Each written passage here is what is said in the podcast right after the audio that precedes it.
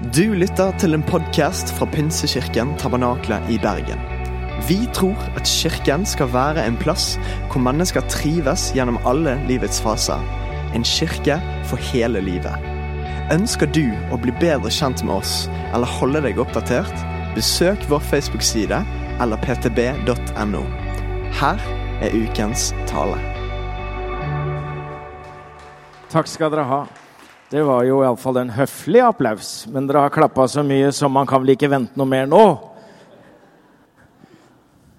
Takk skal dere ha, og takk skal dere ha. Takk for det dere var med å gi til TV Inters arbeid for å nå nye mennesker. Så minner jeg dere som er engasjert av media, ulike måter, at det kommer en ny mediekonferanse som vi har tatt initiativ til for å samle kristne folk som jobber og er interessert i medier både i og ut fra kirker, om å nå flere og nyere ut og bredere ut, ikke minst også gjennom sosiale medier, og hva vi kan gjøre for å dele evangeliet med enda flere enn det vi gjør. kommer en ny konferanse meldt til høsten. Jeg minner bare om det. Jeg vet at dere leser eh, Johannes evangeliet for tiden. Eh, men jeg regner med at dere er såpass fleksible at dere klarer å følge med meg til Lukas evangelium denne formiddagen. Jeg tror at dere skal klare det. For jeg har lyst til å tale om ekstrem forvandling.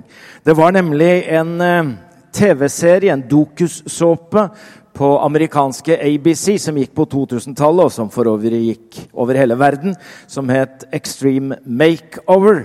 Og det handlet om mennesker som trengte en fornyelse av kroppen, og ikke minst av utseendet. Amerikanerne er jo gode til dette, å pusse opp fasader. Noen syns ofte at det var bedre før enn det det ble senere. Så noen likte best før mer enn etter.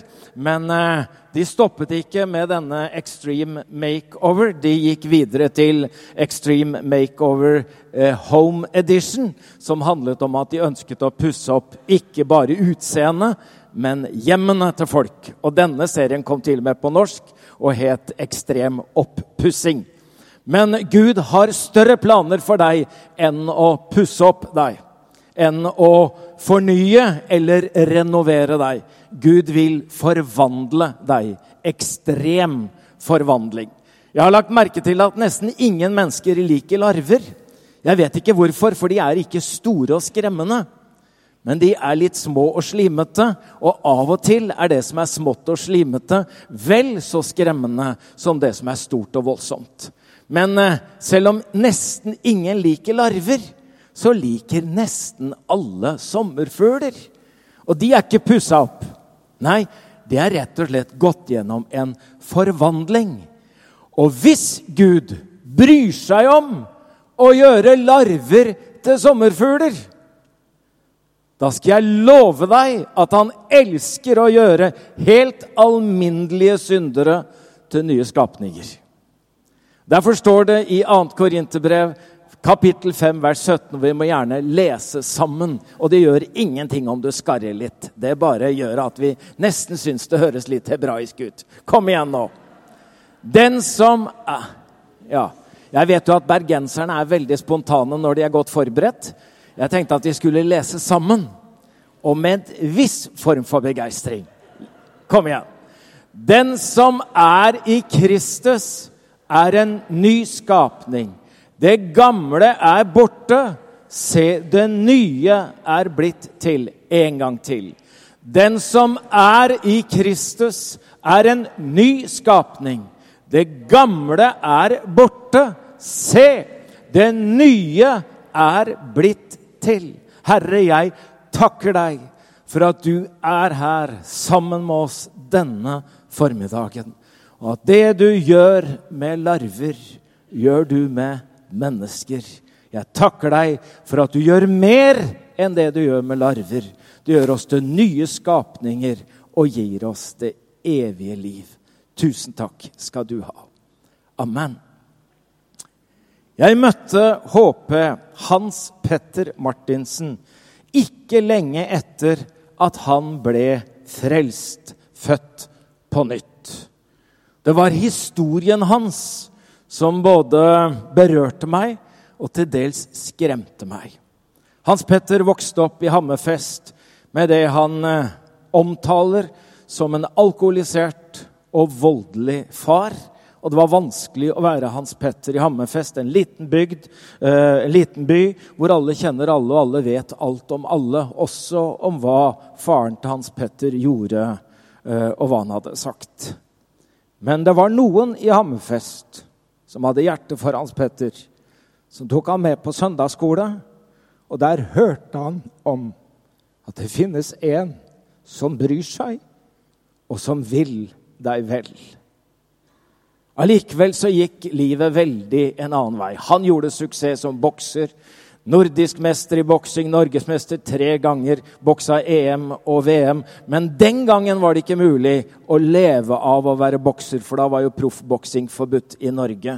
Så når han fikk tilbud om å hjelpe en milliardær til å få inn penger, altså ikke frivillig kollekt, men kanskje litt mer under tvang, så tok han imot tilbudet. Og derfra så gikk veien ikke bare til å bli torpedo, men også jobbe sammen med europeisk mafia.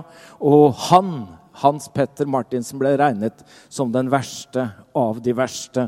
Og tidligere politimester sier at når han hadde fått i seg alle steroidene kobla med amfetamin og andre narkotiske stoffer, var han en pitbull i menneskekropp eller et menneskelig monster. En gang de skulle arrestere Hans Petter Jacobsen, så måtte de først sørge for at kona hans og barna var tatt ut av hjemmet, sånn at de var i sikkerhet på et hemmelig sted. Så evakuerte de hele boligområdet. Og så tilkalte de eh, bevæpna styrker fra tre politidistrikt for å arrestere én mann. Hans Petter sjøl sier, 'Jeg har sett og gjort det jeg ikke engang har sett på actionfilm', har jeg vært vitne til. Da å møte en som ser ut som et lam, det er jo en stor ikke oppussing eller en slags fornyelse eller rehabilitering. Det gamle er borte en ny skapning har blitt til. Gud pusser ikke bare opp fasaden vår, han nyskaper oss innenfra. Og nå sier jeg det sjøl. Halleluja.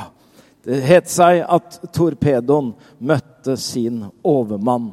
Og da lar vi dette ligge som bakgrunn for inngangen til fortellingen i Lukas 19. Og der møter vi den fortellingen som veldig mange av oss husker fra søndagsskolen. Denne lille mannen som klatret opp i Vi trodde jo den gangen at det var et jordbærtre. Det viste seg å være et morbærtre.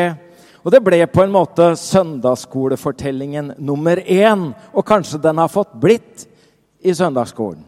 Men i sommer hørte jeg Niklas Pienso tale om Sakkeus, og jeg kjente den historien må ikke forbli bare i søndagsskolen. Den må leve i våre hjerter, i troen på den Gud som forvandler mennesker. Amen. Jeg tenkte at jeg skulle ta dere med til Lukas 19. Har du Bibelen med deg, så finn fram den. Og så skal vi i versene fra 1 til 10. Og så begynner jeg allikevel med slutten. For jeg skal ta dere først med til det siste verset, altså vers 10 i Lukas 19, hvor Jesus oppsummerer, nesten forklarer, det som nå har skjedd i Jeriko denne dagen med denne ene mannen. Og så er det som om Jesus gjennom dette sier at det som skjedde én gang, med én mann på ett sted, det er det som skjer hele tiden for det er derfor jeg er kommet. Sånn at vi kan lese våre egne liv inn i denne fortellingen og vite at det er ikke et engangstilfelle. Det er dette som Jesus holder på med, for det er derfor han er kommet. For menneskesønnen er kommet for å lete etter de bortkomne og berge dem. Og så tenkte jeg at vi skulle lese sammen fra vers 1 i Jesu navn. Han kom inn i Jeriko og dro gjennom byen. Der var det en mann som het Sakkeus. Han var overtoller og svært rik. Han ville gjerne se hvem Jesus var, men han kunne ikke komme til for folkemengden, for han var liten av vekst. Da løp han i forveien og klatret opp i et morbærtre for å se ham på et sted hvor han måtte komme forbi. Og da Jesus kom dit, så han opp og sa til ham, 'Sakkeus, skynd deg ned. skynd deg og kom ned, for i dag må jeg ta inn hos deg. Han skyndte seg da ned og tok imot ham med glede. Men alle som så det, murret og sa, han har tatt inn hos en syndig mann. Men Sakkeus sto fram og sa til Herren, Herre, halvparten av alt jeg eier, gir jeg til de fattige. Og har jeg presset penger av noen, skal de få firedobbelt igjen. Da sa Jesus til ham, i dag er frelse kommet til dette huset, for også han er en Abrahams sønn. Vi får vite tre ting om denne forhatte Sakkeus. Han er overtoller, han er svært rik, og så er han liten av vekst. Og jeg tenkte at vi skulle begynne med det første, at han er overtoller. Til alle tider, på alle steder, har vi hatt et slags behov for å gradere syndere og synder. Det betyr at vi har noen store syndere, og så har vi noen små syndere. Og så har vi noen grove synder, og så har vi noen litt fine synder. Og de fleste av oss som vet at vi tenker at vi er små syndere, som bare har noen fine synder, vi er innafor, mens alle de andre, de er utafor. Det betyr at det ofte gir oss rett til å bekymre oss for synden i verden mer enn over synden i vårt eget liv. Du kjenner det kanskje igjen? For vi vet at når vi snakker om sånne små syndere, som gjør så fine synder som fartssyndere, baktalelse og skattesnytere, så sier vi ja, det gjør jo de fleste. Og dermed er jo nesten alle innafor. Og det er jo når vi begynner å ta neste steg, eller begynner å komme opp på neste nivå, hvor vi snakker om utroskap, hvor vi snakker om seksuell trakassering, vi snakker om overgrep og mord, da er det jo flere av oss som ramler av skal snakke om det som vi de siste 15-20 årene har vært mest opptatt av i dette landet, om homoseksuelle, om homoseksualitet, som om det nesten fins bare én type syndere og én type synd, og at alle vi andre som ikke er en del av den kategorien, kan kjenne at det gjelder ikke oss. Og hvis du tenker at sånn var det også i Jeriko, så er det sånn at etter disse syndene så kommer det ingenting. Og så kommer det ingenting, og så kommer tollerne. Og da er vi på bånn, folkens. Da er det bunnskrapet vi snakker om. Nå snakker vi om rett og slett avskummet i samfunnet. For tollerne på Jesu tid vet vi nå at de var jo disse som var satt til å ta inn toll på vegne av okkupasjonsmakten. Romerne hadde okkupert bl.a. Israel, Palestina og så hadde de noen som skulle samle inn eh, toll og sørge for at det ble gitt skatt til keiseren. Og dette var jo da jøder som var villige til å samarbeide med okkupasjonsmakten. Derfor har jo veldig mange sammenlignet tollerne på Jesu tid med quislingene i vår egen tid eller under vår egen krig fra 40, 40 til 45 i Norge. Men kanskje enda verre enn de som samarbeidet med tyskerne av ideologiske grunner, fordi de delte den nazistiske ideologien, er jo alle profitørene. Disse som ikke hadde noen ideologi, som ikke brydde seg om noisme, men som bare var opptatt av penger dette kan jeg tjene på. Der har jeg en mulighet til Ja, ja, jeg må samarbeide med fienden. Ja, jeg må undertrykke og underkue mitt eget folk og mine egne. Jeg må tåle å bli forhatt og forakta. Ja, det må jeg tåle. Men så tjener jeg også veldig mye penger. Og så er det disse som Jesus blir venn med. For han får jo dette ryktet på seg at menneskesønnen er kommet, og han spiser og drikker sammen med dette avskummet. Se for en storeter og vindrikker. Han er venn med tollere og syndere. Og det var ikke bare én toller En annen, som het Matteus, som kanskje er den samme som Levi, blir til og med kalt til disippel og blir senere apostel. De samlet seg om Jesus, disse tollerne. Han var venn med dem. I Lukas 15 så står det alle tollerne og synderne holdt seg nær til Jesus for å høre, om, høre ham. Men fariseerne og de skriftlærde murret og sa seg imellom. Denne mannen tar imot syndere og spiser sammen med dem. Og tror du ikke at Jesus i Jeriko nå er på vei til denne mannen? Og det er jo ikke noe rart at de får noe å snakke om. For nå er Jesus i ferd med å bryte religiøse grenser. Han bryter kulturelle grenser, og han bryter alle sosiale grenser. Vi må få stanset Jesus før dette skjer, at han kommer seg hjem til Sakkeus. Og så vet vi en ting til om Sakkeus. At han var svært rik.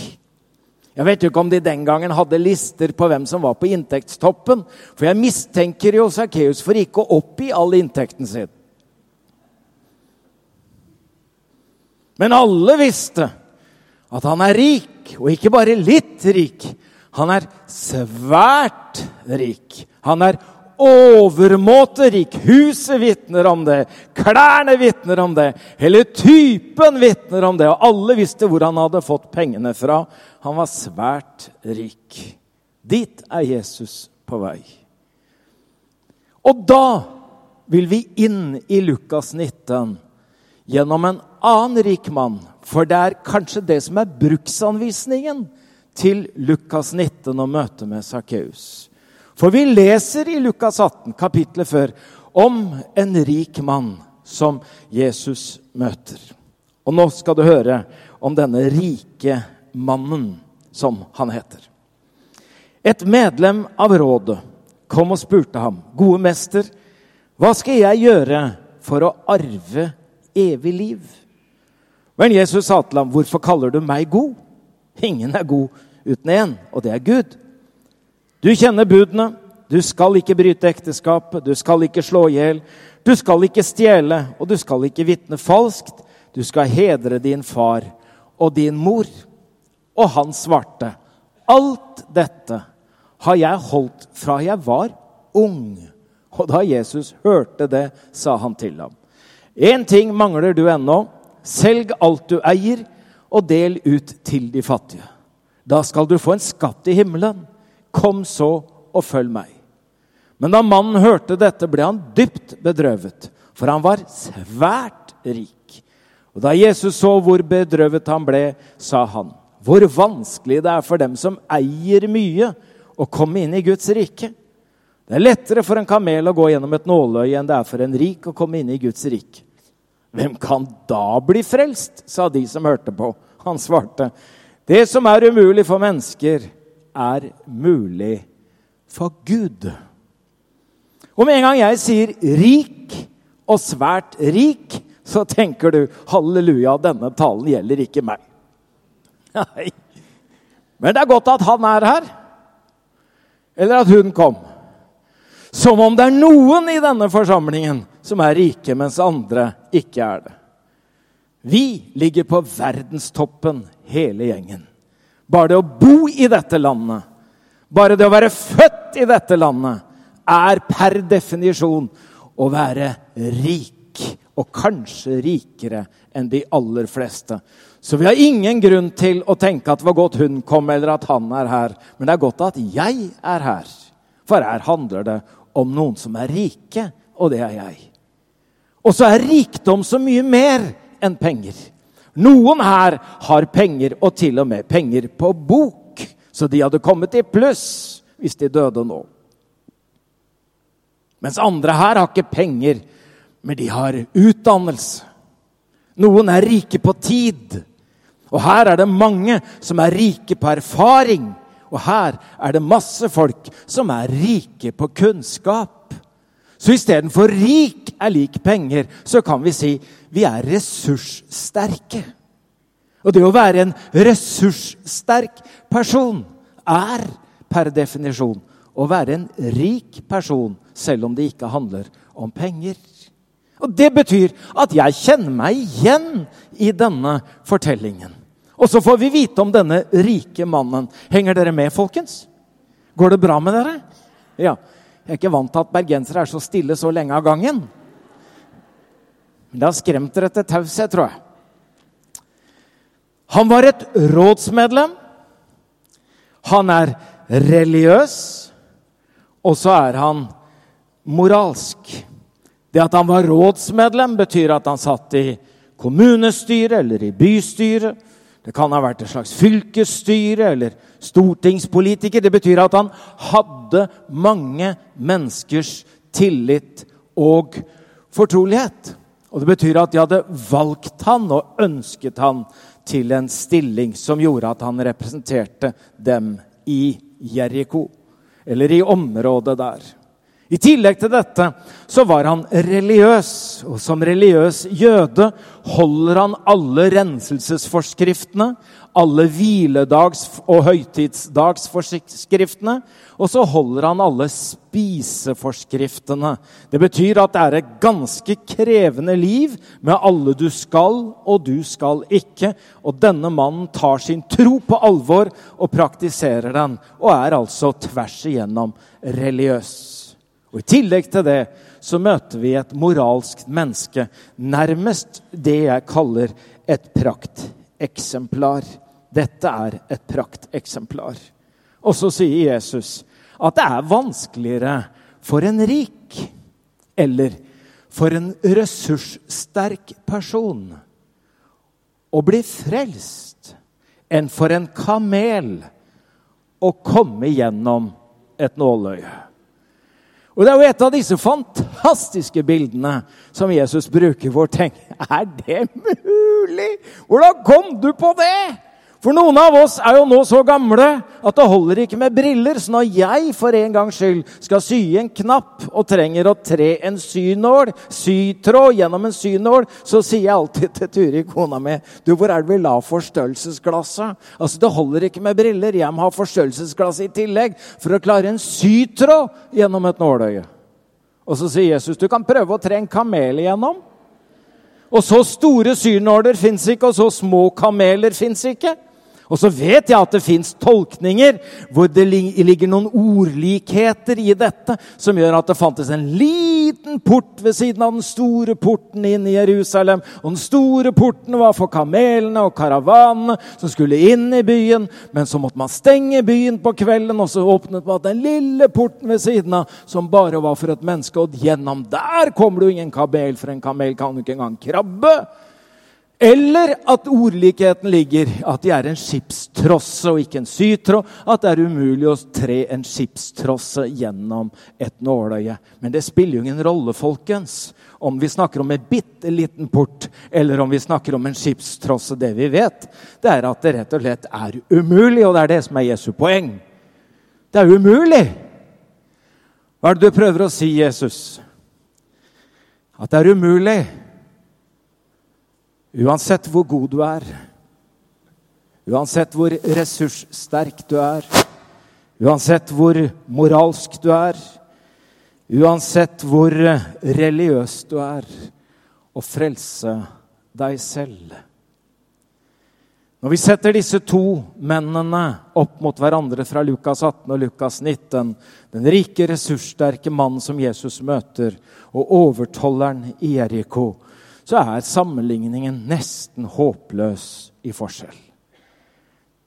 Jesus nevner fem av ti bud, og denne mannen sier med stor frimodighet Jeg har holdt alle disse budene fra jeg var ung.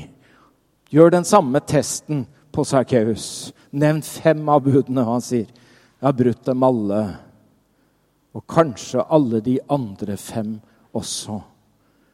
Forskjellen på disse to er enorm. Den rike, ressurssterke mannen, vet du hva? Det er et prakteksemplar. Det er sånne man vil ha ansatt på menighetskontoret. Det er ikke det at jeg mener at nivået her i tabernakelet er lavt. Men det jeg mener, det er at det hadde økt med en sånn type på laget. Altså, Vi snakker om en type mennesker som har med seg notatblokk i barnekirka for å ta notater. Vi snakker om en som gjør lekser før faren hans har fått nevnt det etter at han kommet hjem fra jobb. Altså, Vi snakker om en type som ikke bare rydder sitt eget gutterom, men som rydder søstras rom samtidig. Som alltid setter tallerkenene inn i oppvaskmaskinen. Vi snakker om en som varsler UDI når asylbarna i klassen reiser hjem til hjemlandet sitt på ferie. Altså, Dette er en type som spiser økologisk, han kjører elbil, han går i fakkeltog. Altså Det er sånne som folk sier. Hvis ikke han er kristen, så er det ingen som er det. Og jeg har hørt til og med kristne si i sånne menneskers begravelse. Hvis ikke hun kommer til himmelen, da er det ingen som kommer dit. Det er jo ingen tvil fra vår side hvem som går hvor når det gjelder disse to. Derfor er konklusjonen til Jesus og resultatet like overraskende, like provoserende som det Jesus ellers er. Den rike, ressurssterke, religiøse, moralske går bedrøvet bort, mens bygdas og byens store kjeltring er den lykkeligste av dem alle. Hva er det med evangeliet, folkens? Hele hemmeligheten ligger i dette ene spørsmålet. Det ligger rett og slett i utgangspunktet. Vi legger jo merke til at den rike, ressurssterke tenker at han må prøve å innynde seg hos Jesus. Kanskje smigre litt ved å si 'gode mester'. Det fins ingen religiøs referanse til det, heller ikke i den jødiske religiøse, eh, jødiske religiøse litteraturen, at noen sier 'gode mester'. For det fins bare en som er god, og det er Gud selv. Men vi har altså her en type som tenker at det lønner seg å smigre seg litt inn på Jesus. Du vet at Jeg har en produsent på TV Inter som jeg har jobba sammen med i 25 år. Og hver gang jeg dukker opp på TV Inter, så sier han 'Hei, sjef'. Og jeg elsker det. Da skriver han mail, eller så skriver han en SMS, så skriver han alltid først 'Hei, sjef'. Jeg er jo ikke sjefen hans, men jeg kjenner litt på det, at det er godt å høre. Så jeg lar meg gjerne smigre av både det ene og det andre. Men du smigrer deg ikke inn på Jesus med å si 'gode mester'. Så han irettesetter den rike mannen og sier at ingen er god uten Gud. Hvorfor sier du 'gode mester'? Og så kommer han med spørsmålet sitt. Og dette spørsmålet er 'Gode mester, hva skal jeg gjøre for å arve evig liv?' Hør her. Hva er det rike, ressurssterke mennesker som oss tenker? Det er at hvis det finnes krav, så skal vi klare å oppfylle dem. For vi har jo fått som fortjent. Og det vi har, har vi jobba for.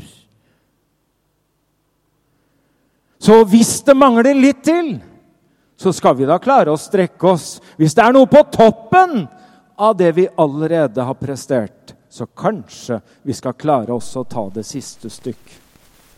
Hva skal jeg gjøre for å arve evig liv? Jeg ble tilkalt, jeg var pastor i Kristiansand, hadde drevet en del med radio. Ble tilkalt til en av byens forretningsmenn, og jeg visste at han hadde et godt rykte, at han hadde gjort mye godt i byen også for mennesker som trengte hjelp. Så jeg visste at jeg skulle besøke en god mann. Men eh, han, nå lå han for døden, og han eh, trengte å få fred med Gud. Han visste ikke om noen andre, for han hadde hørt meg på radioen og hadde tilkalt meg, og jeg kommer til ham. Vi har en samtale på dødsleiet og sykesenga hans. Og så sier han, 'Jeg har bedt Fader vår hver dag.' Og så har jeg gjort så godt jeg har kunnet. Og så ser han meg inn i øynene med et stort alvor. Og så sier han, 'Tror du det holder?'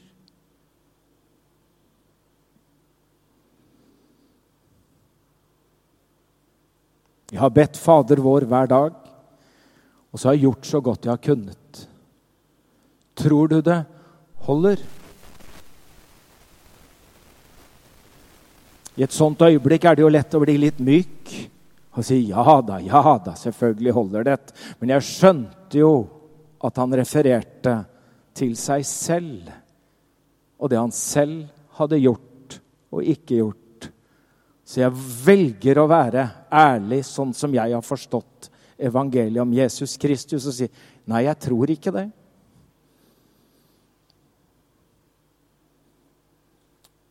Og det lot jeg selvfølgelig ikke henge i lufta for lenge. Før jeg sa Men det Jesus har gjort, det holder. Og det holder også for deg. Og før jeg gikk derfra, så fikk vi be sammen. Jeg så en mann som tok avskjed med meg med et smil. Og hans storm hadde blitt stille, og han hadde fått fred. Det han hadde gjort, det holdt ikke. Men det Jesus hadde gjort, det holdt. Faren for alle ressurssterke og rike mennesker, også i vårt vestlige land, også i vårt sekulære Norge, det er at vi tror at det å bli en kristen er å bli litt bedre enn noen andre sånn at vi har en mulighet til å se ned på de som er dårligere enn oss. Derfor vil alltid evangeliet først og fremst være gode nyheter for de som har erkjent at jeg får det ikke til. Du vet, En type som Sakkeus har aldri stilt seg spørsmålet om det er noe han skal gjøre for å arve evig liv, for det vet han at det kan han ikke. Han er rett og slett ikke klar for det. All religion og all religiøsitet er egentlig bare en hjelp til selvhjelp. Det er rett og slett du skal, du skal ikke, du må, du må ikke. Og dette, folkens, favoriserer mennesker med god karakter Favoriserer mennesker med mye viljestyrke og favoriserer de som er i stand til å ta seg sammen og disiplinere seg selv. Og Derfor så får vi dobbeltmoralen, og derfor får vi den opplevelsen av at noen tror de er bedre enn andre, og andre vet at de er dårligere enn de fleste. Og når folk tenker at de skal til himmelen, så må de først bli gode nok for det. All religion handler egentlig bare om hva du kan gjøre for din Gud eller den du tror på. Mens evangeliet om Jesus Kristus handler om at han kan forvandle deg. For det fins ingen mulighet for selv et ressurssterkt, moralsk, religiøst menneske å frelse seg selv. Men for Gud er det mulig å frelse den aller verste. Halleluja. For det handler jo ikke om hva du kan gjøre, men hva Jesus kan gjøre for deg. Derfor ender vi i denne fortellingen hjemme hos Sakkeus. Det er en fantastisk fortelling hvor Jesus stanser opp ved dette morbærtreet. Og så roper han opp til denne Sakkeus som sitter oppe i tretoppen der. Skynd deg ned! Skynd deg og kom ned, for i dag må jeg ta inn hos deg. Det er jo nå det blir panikk, tenker jeg. Eh, nå er jo kona mi ikke her, så jeg kan snakke litt fritt. Nei da. Vi har hatt fem barn og har det fortsatt. En gang var de små. Det var jo perioder at det var såpass kaotisk at når det ringte på døra, så hendte det at vi titta i vinduet og så hvem som banka på, om vi skulle velge å gå ned og lokke opp eller ikke. Og det hendte at det så sånn ut inne hos oss at vi valgte å møte de som banka på på trappa, og ikke bød de inn. Uhøflig, ja, men vi hadde panikk. Tenk hvis folk får se hvordan vi har det når vi ikke er godt forberedt. Ja. Og Sakkeus er ikke forberedt på dette. Han må ha tenkt tanken Jesus hjem til meg. En hellig mann. En profet. Hvor gjorde jeg av de filmene? Fikk jeg rydda bort de? Hun dama har hun dratt nå? De flaskene, står de framme? Jeg vet jo ikke hvordan det ser ut hjemme hos deg. Men det jeg vet, er at veldig mange syns det er greit å møte Gud i kirka. Men de vil helst ikke ha han med hjem. For hjemme ser det helt annerledes ut. Men det må ha skjedd et eller annet fort oppi hodet og hjertet til eh, Sakkeus. For merkelig nok vet Jesus hvor han er. Merkelig nok Jesus vet Jesus hvem han er, og han vet hva han heter. Så det kan jo hende at han bare har gjort en enkel beslutning og tenkt ja, han vet jo alt allikevel. Så det er ingenting å skjule. Han får komme hjem som hele hjemmet bærer spor av et syndig liv. Jeg syns uh, denne lille teksten, at han var liten av vekst, er jo en litt sånn festlig tekst. Det er jo så mange som kompenserer for liten av vekst på så mange måter. Det kan være moralsk, det kan være etisk, det kan være økonomisk, det kan være gjennom kunnskap. Vi har en tendens til å klatre i det ene stativet etter det andre for å komme oss opp. Kanskje Jesus denne dagen ikke står og ber deg å ta et trinn ekstra for å komme deg høyere. Men han står nede og snakker til deg nedenifra og ber deg å komme ned for å møte han må ha hatt en fantastisk opplevelse. For en mann som det sies at han var liten av vekst, og når vi mener liten av vekst, så er han ikke bare 10 cm kortere enn de andre. Han er virkelig kort. Og det å oppleve at Jesus ikke bare snakker til han, men ser opp på han når han snakker, må ha gjort veldig inntrykk på Sakkeus. Fordi andre har jo sett ned på han hele livet. Og han har nok sett ned på seg selv. Nå kommer Jesus Kristus og stanser ved dette morbærtreet. Og så taler han til Sakkeus nedenifra og opp. Det kan se ut som om Jesus gjør det helt bevisst. Du vet Da denne kvinnen blir tatt på fersk gjerning i hor, så tvinger de denne kvinnen med seg fram foran Jesus, slenger henne foran føttene hans og sier at loven sier at denne kvinnen skal steines pga. hor. Hvordan hun kunne drive hor alene, er det jo ingen som vet. Men de var ikke så interessert i mann, det var kvinnen som skal tas. Og så bøyer Jesus seg ned, og så begynner han å skrive på bakken. Og så er selvfølgelig vi opptatt av hva skrev du, Jesus? Og Jeg sier ikke at det ikke er viktig hva han skrev, men kanskje han også kan ha brukt det som en unnskyldning for å bøye seg ned. For å se opp i ansiktet til denne kvinnen som alle de andre ser ned på av forakt. For han var i Guds skikkelse. Han var Gud, men aktet det ikke for et røvet gode å være Gud lik. Men av seg selv ga han avkall på himmelens herlighet. Tok på seg en tjenerskikkelse, ble menneske. Men ikke bare at han ble menneske, men han fornedret seg selv. Helt ned. Helt ned til avskummet. Helt ned til bunnfallet. For han kom for å løfte oss opp. Menneskesønnen er kommet for å oppsøke og lete etter det som er fortapt, for å berge det og for å frelse det. Jo da, han blir med Sakkeus hjem. Og det som ingen andre, ingen militær eller religiøs makt kunne få forandret på i Sakkeus' liv, det skjer når Jesus kommer inn i livet og inn i hjertet. Halvparten av det jeg eier, vil jeg gi til de fattige. Og har jeg presset penger av noen, og det skal du vite at han har gjort, så skal han gi dem firedobbelt igjen. Loven krevde jo ikke det.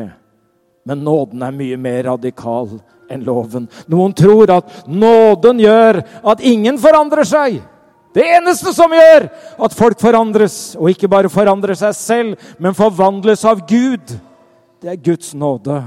Denne kjærligheten og den nåden er så radikal at den ikke pusser opp folk fra utsida for å få dem til litt bedre moral og litt bedre og se litt bedre ut. Men de forvandles for at de som var syndere, er blitt nye skapninger. Nå sier jeg det snart sjøl. Halleluja. Det er ty to tydelige spørsmål som jeg tenker som godt kan ligge hos deg og meg denne formiddagen. Det er rett og slett Vil du slippe Jesus inn i livet ditt? Ikke sånn som det skulle vært, men sånn som det faktisk er. Ikke sånn som de andre tror at det er, men sånn som du vet at det er. Og ikke bare møte han her, men at han kan få bli med deg hjem. For den store forvandlingen, folkens, det er Jesu nærvær i vårt liv. Det er den ekstreme forvandlingen som skjer både på kort og lang sikt.